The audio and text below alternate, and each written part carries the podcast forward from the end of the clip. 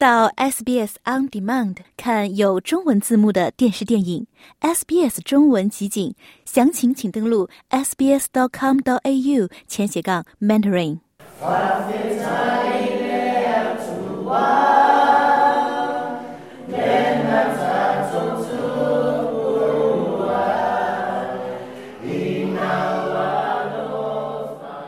索利奥拉一家有十个孩子，还有一个即将出生，再加上爸爸妈妈，他们不仅仅是一个才华横溢的歌手之家，他们很快就会有足够的人可以组建自己的橄榄球队。比尔和萨娜夫妇一直想要一个大家庭。It was I don't think it was ever planned, but I always knew that I wanted a lot of kids. 萨娜说：“我并没有计划这一切，但我一直知道我想要很多孩子。”比尔说：“我们给小双胞胎取名叫阿尔法和欧米伽，因为我们觉得欧米伽会是最后一个。”然后突然，塞纳补充说：“我们就有了欧米伽二号。”他们的孩子都认为出生在一个大家庭里是一种福气。Always having company, like I'm never bored.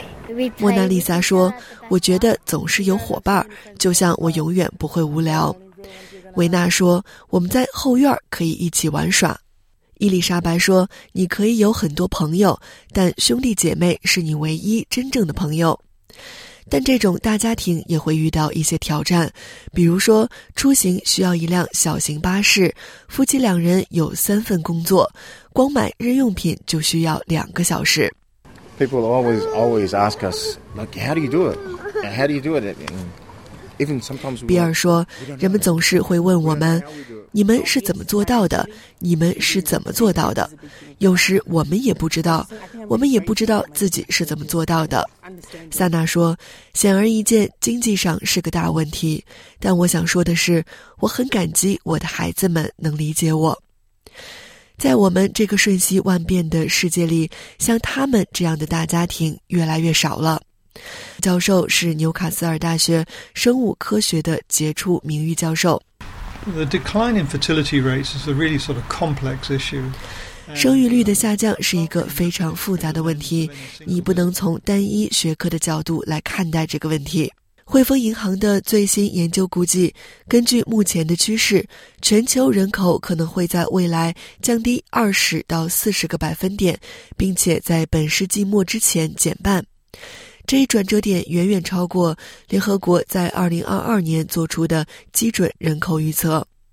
汇丰银行的全球经济学家波莫罗伊对这些数据进行了分析。Birth rates have fallen to levels that I don't think anyone thought was possible five or ten years ago. It has been the continued 出生率已经下降到了五年或十年前都无法想象的水平，女性劳动力的参与率持续上升，这显然是件好事，但这意味着人们推迟生育。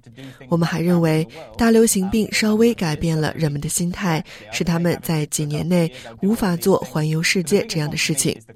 人们突然想到，其实我可以推迟几年再要孩子，我会做所有这些事情。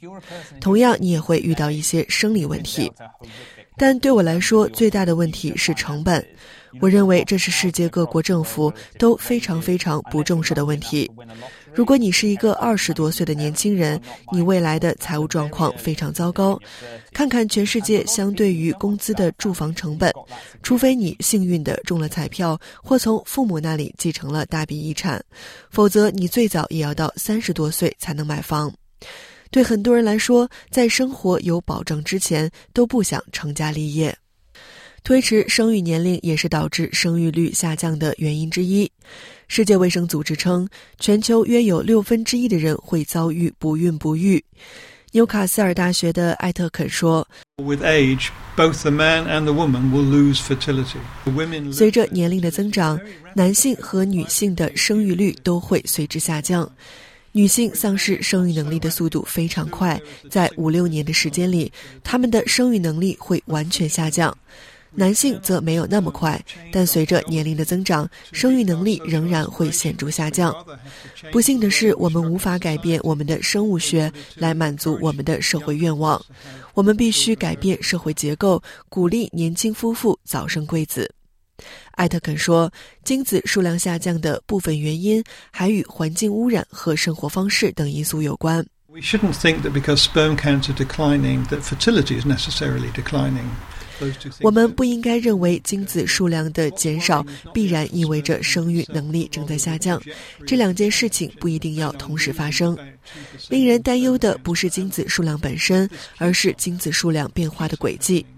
男性的精子数量每年减少约百分之二，如果这种情况一直持续下去，就会导致精子数量耗尽，进而影响生育能力。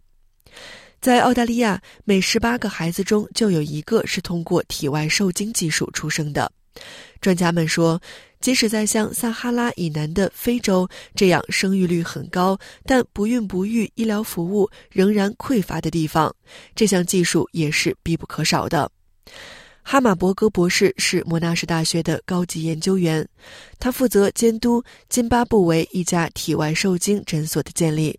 in countries where uh, having children is uh, a woman's main uh, role in life, uh, not having any. 当然，在那些以生育子女为女性主要生活角色的国家，对于女性个人而言，没有孩子是一种令人深感沮丧和困难的处境。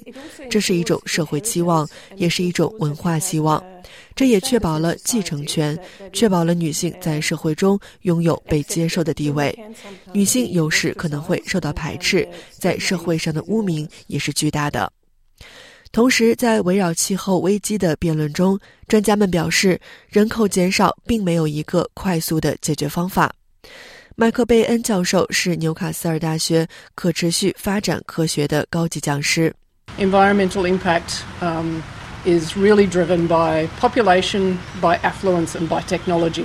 In places like Australia, we have. 他说，对环境的影响实际上是由人口、富裕程度和技术驱动的。在澳大利亚等地，我们的生活方式非常非常富裕。当我们考虑人均资源使用量时，生态足迹是非常重要的。因此，在较贫穷的国家，每个人每年使用的资源可能比澳大利亚人一个人使用的资源要少。我认为人口是一种极其不灵活的东西。我认为我们真正需要关注的，也是我们更有能力影响的，是我们的消费水平和富裕程度。波莫罗伊说：“随着国家变得越来越繁荣，研究表明生育率会下降，这将对未来的经济产生影响。” So then you're probably going to have to think seriously about do you raise retirement ages? 因此，你可能不得不认真考虑是否要提高退休年龄，是否要大幅提高税收，是否要让医疗保健或养老金雪上加霜。我的意思是，如果想赢得大选或继续执政，没有人会做出这样的政策选择，因为他们极其不受欢迎。但艾腾克教授说，生孩子也是个人成就感的问题。i don't think fertility is ever a question of good or bad 我不认为生育是一个好或坏的问题但它是一个选择问题或者说应该是一个选择问题。对于索利奥拉一家来说他们已经做出了选择。比尔说你要继续鼓励自己。